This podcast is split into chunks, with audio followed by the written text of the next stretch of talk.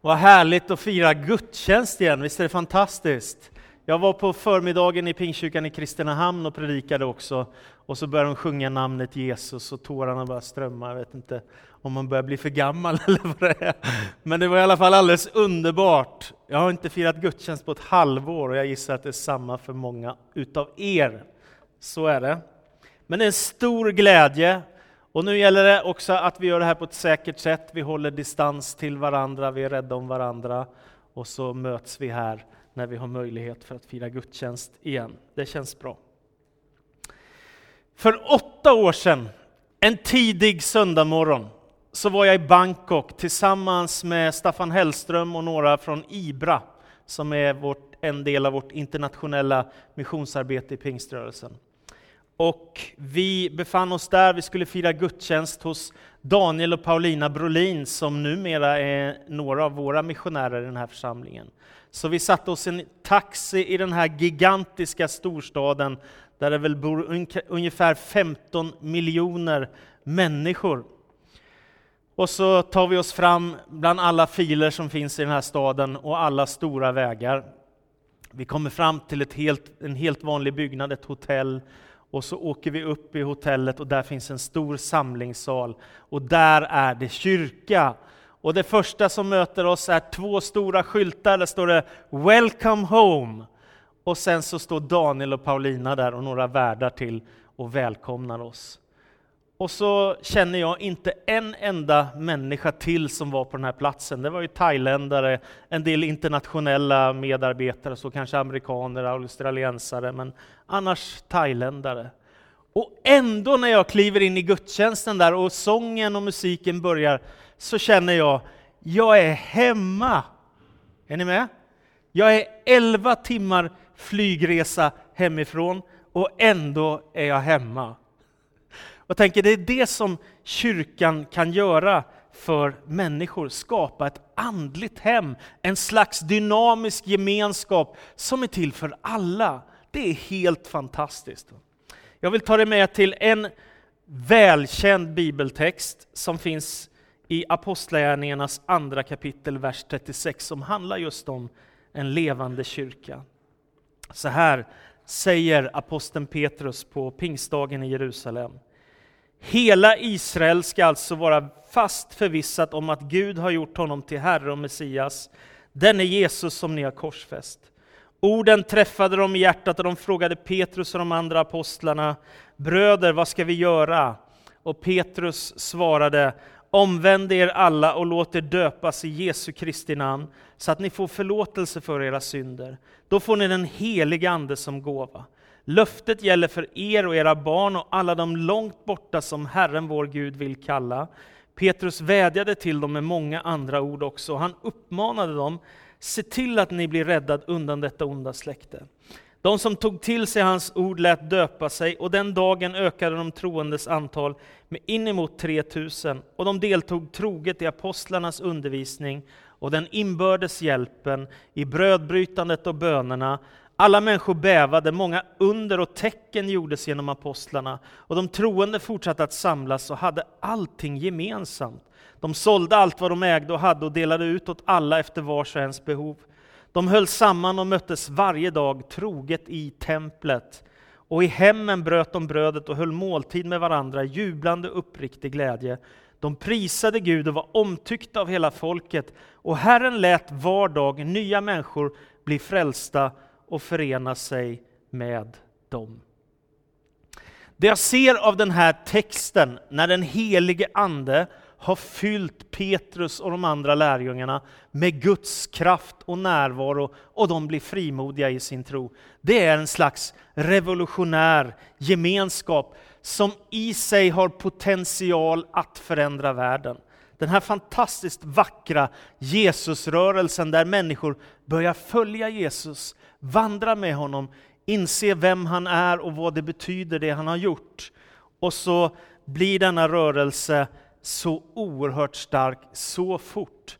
Det räcker att läsa Apostlagärningarna som vi har läst en text ifrån idag. Och den skildrar år 30 till år 60 efter Kristus, alltså 30 år. Och bara på den tiden så går evangeliet ifrån Jerusalem till Europa, till delar av Asien och till Nordafrika.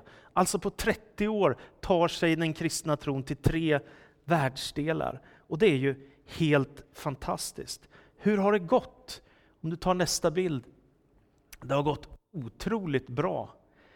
Om ni undrar vad det är för någonting så är detta de gula områdena, det är där den kristna kyrkan är i majoritet på ett sådant sätt att det är fler som tillhör en kyrka än någon annan form av tro i världen. Är ni med? Förstår ni vad jag menar? Om man räknar alla kyrkor som finns, hur ser det ut i världen då? Ja, men då är det så att, att i Nordamerika, Latinamerika, södra Afrika, eh, Europa, norra delen av Asien och Australien, där är det majoritet kristna av alla troende människor som finns. Är ni med? Vi är inte direkt en liten rörelse med några få som inte har något bättre för oss, utan vi är världens största rörelse. Och sen finns det muslimer, hinduer och buddister, och de är framförallt eh, i det här fältet Nordafrika, Mellanöstern och Asien. Men resten av världen så är den kristna kyrkan i majoritet av alla slags troende. Det är rätt fascinerande. Så det man behöver tänka på som kyrka när man arbetar, du tar nästa bild, det är att vi behöver vara en öppen och välkomnande gemenskap, en välkomnande församling. Det är enormt viktigt. Välkommen hem är ett bra uttryck för vad det handlar om att vara kyrka. Alltså det handlar inte att komma till något väldigt konstigt religiöst för några få. Kyrkan är till för alla. Urkyrkan i Jerusalem börjar ju med att fira gudstjänst i templet tillsammans med det judiska folket. Och sen börjar man mötas i hemmen för att dela Jesus-tron med varandra. Och det där är något så kraftfullt att tusentals människor på väldigt kort tid då kommer till tro på Jesus, blir döpta och blir en del av kyrkan. Vi brukar säga att människor är sökare, vi söker efter mening, vi söker efter något viktigt att leva av och för. Och många människor är ensamma i vår tid och söker efter gemenskap. Därför är det så viktigt att kyrkan är en öppen och inkluderande gemenskap. Ibland tänker vi fel. Vi tänker att kyrkan ska vara en utställningslokal för perfekta människor. Jag överdriver lite nu, men ni fattar poängen. Alltså att vi tänker att människor ska vara så perfekta om de ska komma till kyrkan. Det är klart att vi vill att människor ska leva i Guds vilja och formas till likhet med Kristus. Men vem som helst måste ju vara välkommen till kyrkan, eller hur? Och hur är man när man börjar komma till kyrkan? Det kan se ut hur som helst i en människas liv. Är alla välkomna? Ja, eller hur? Så hur ska vi då göra? Vi måste vara en öppen och inkluderande församling där människor får vara på resa. Man kan vara långt borta från Gud och ändå vara i kyrkan. Man kan vara jättenära Jesus och vara i kyrkan. Alltså människor med olika bakgrunder och olika resor kan vara i samma hus.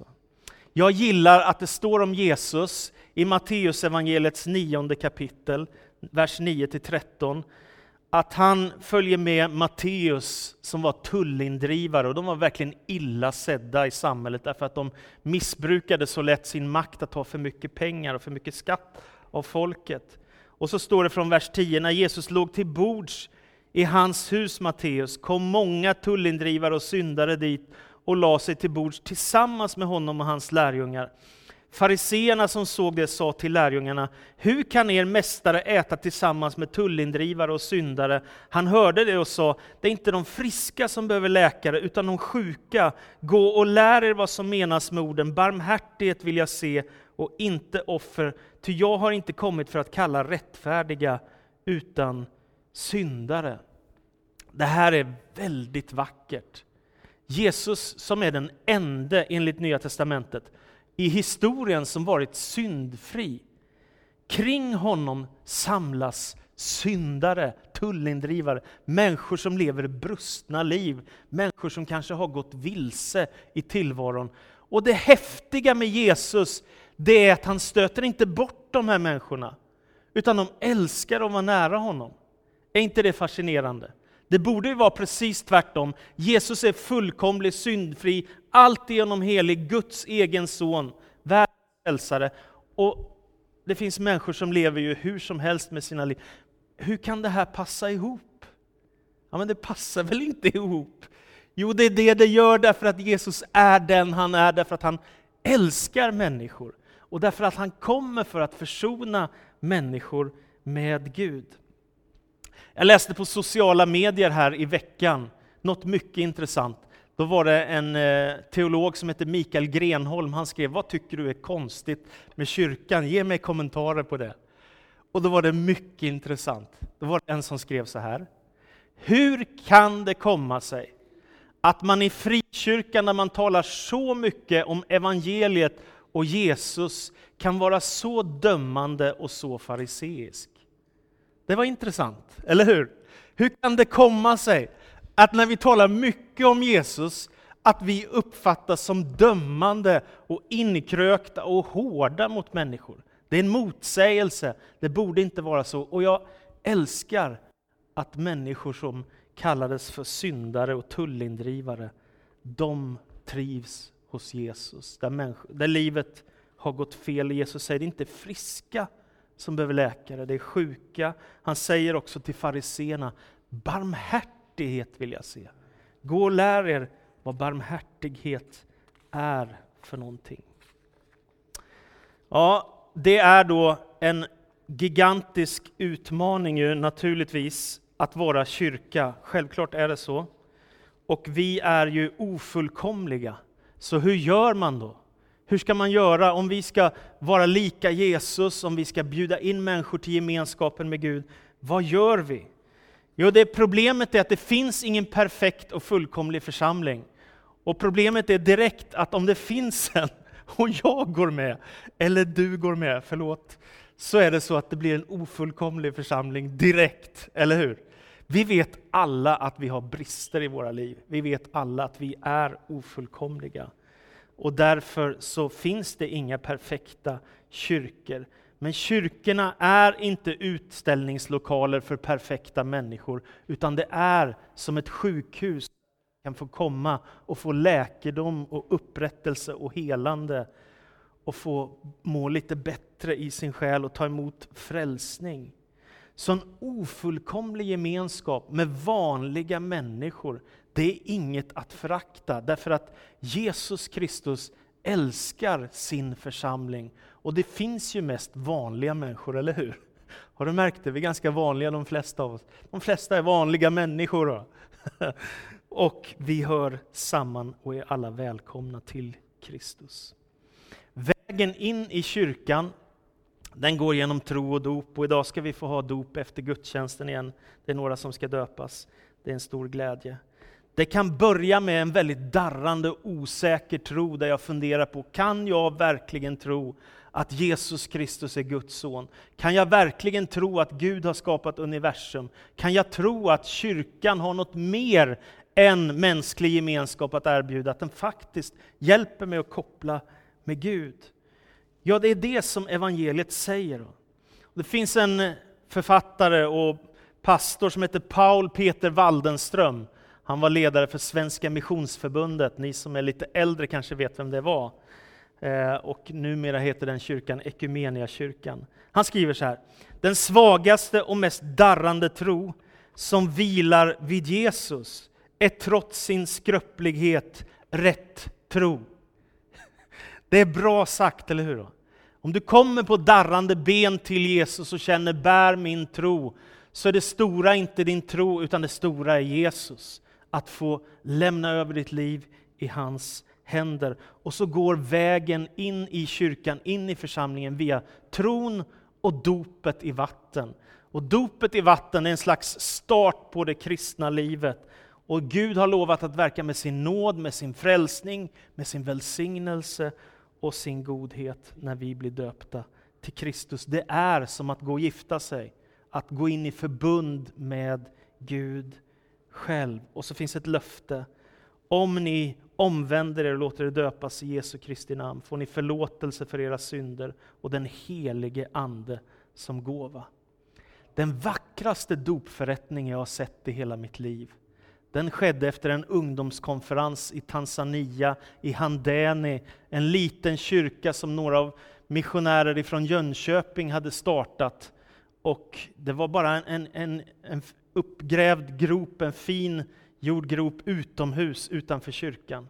Och så när ungdomskonferensen var slut så var det nästan 30 människor som hade beslutat sig för att följa Jesus. Det var inte särskilt mycket vatten i den där dopgraven. Och det var inte så här rent och fint vatten som vi kan ha här i sådana här fina dopgravar som vi har här.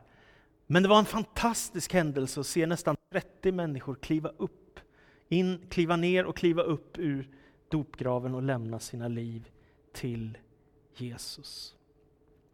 Den kristna kyrkan är den mänsklighet som har blivit förenad med det ursprung som Gud själv är. Och därför ska den kristna kyrkan representera Kristus i världen. Så om du går och tänker på att vara kristen, ja, ja, det är väl inget särskilt, så vill jag bara skicka med den här lilla enkla tanken att om du tar emot Jesus, om du blir döpt i vatten, om du blir en aktiv del i församlingen, medlem i församlingen, så det du gör från och med den dagen, det är att du representerar Kristus i världen. Ja, det är ju inte bara missionärer som åker iväg hundratals mil någonstans som gör det, det gör ju du och jag. Vi tillsammans alla representerar Kristus i världen. Thomas Sjödin han har skrivit jättefint om kyrkan så här. I sin allra första bok skrev han så här. Den moderna kyrkan är som en välsminkad tonårsflicka. När jag drömmer om henne, och det gör jag ofta, så ser jag att det rinner tårar i sminket. Hon gråter och torkar, gråter och torkar, och plötsligt ser jag hur vacker hon är. Ni vet en ung, vacker tonårsflicka när tårarna rinner. Och så använder Thomas den bilden för kyrkan. Helt plötsligt ser jag hur vacker hon är, den kristna kyrkan. Och vi är kallade att vara representanter för Kristus i världen. Och hur gör vi det? Vi gör det genom att använda våra gåvor, att vara de som vi är.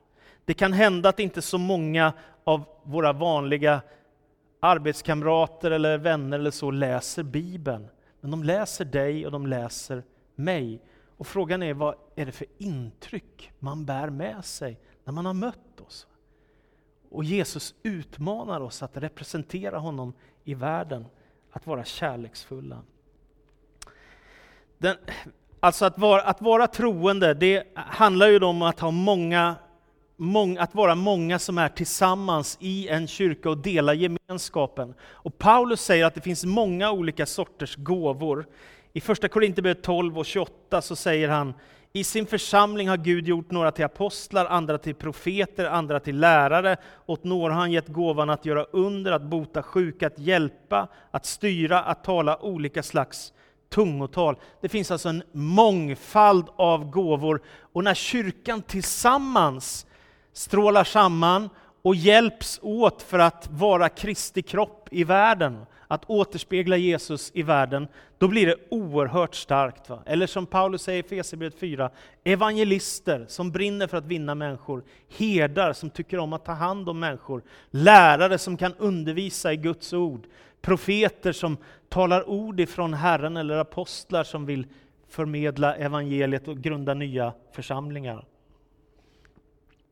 Och så finns det så många, många andra gåvor. När, när man tillsammans gör detta så blir det oerhört starkt.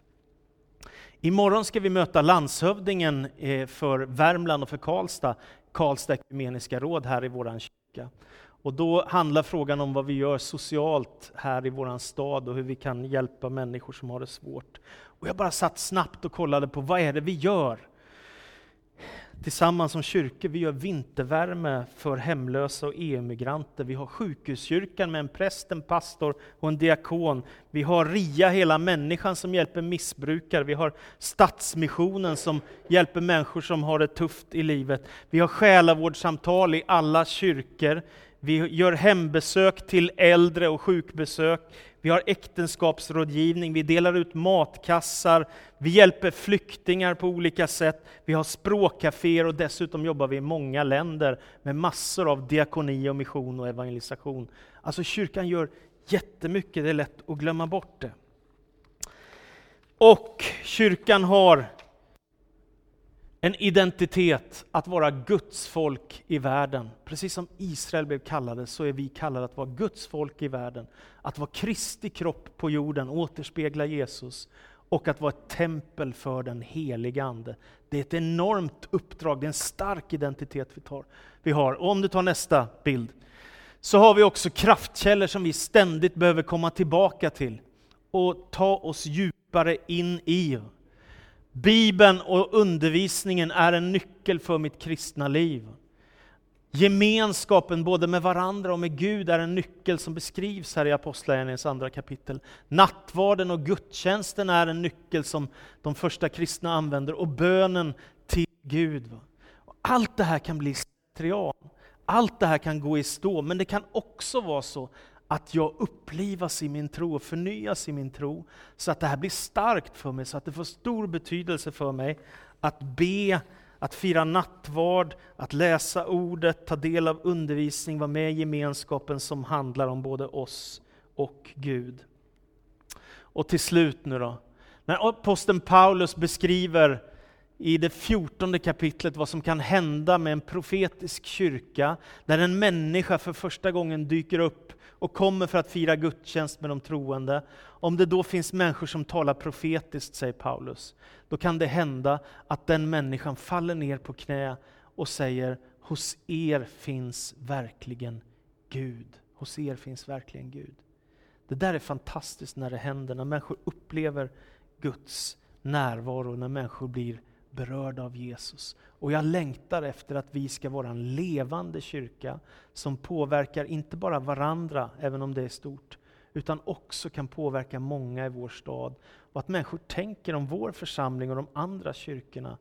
Det här är någonting fantastiskt. Vilken tur att de här människorna finns. Vilken tur att de här församlingarna finns. Till slut, ett citat av Runar Eldebo. Församlingen är det vackraste som finns. Det vackraste som finns enligt kristen tro är inte solnedgångar och vintersolstånd. Det vackraste som finns är inte ens barn med bruna ben på en sommaräng, en man eller en kvinna som är bländande kärlekshistorien, eller en åldrad människa med livserfarenheten vackert fårad i sitt ansikte. Det vackraste som finns är att Gud valde att lägga sin verklighet i de mänskliga relationer, som med hans text för ögonen försöker gestalta hans avsikt med mänskligt liv. En levande kyrka, Jesusrörelsen, det vackraste som finns så tackar vi dig, du himmelens och jordens skapare, för ditt ord. Tack för att det är levande. Och tack för att du välsignar ordet i våra hjärtan. Hjälp oss att gestalta dig, att återspegla dig i världen. Hjälp oss att göra gott. Hjälp oss att ge evangeliet till människor. Hjälp oss att vara goda representanter för dig, Kristus. Det är min bön. Välsigna var och en som har hört ditt ord. I Jesu namn vi ber. Amen.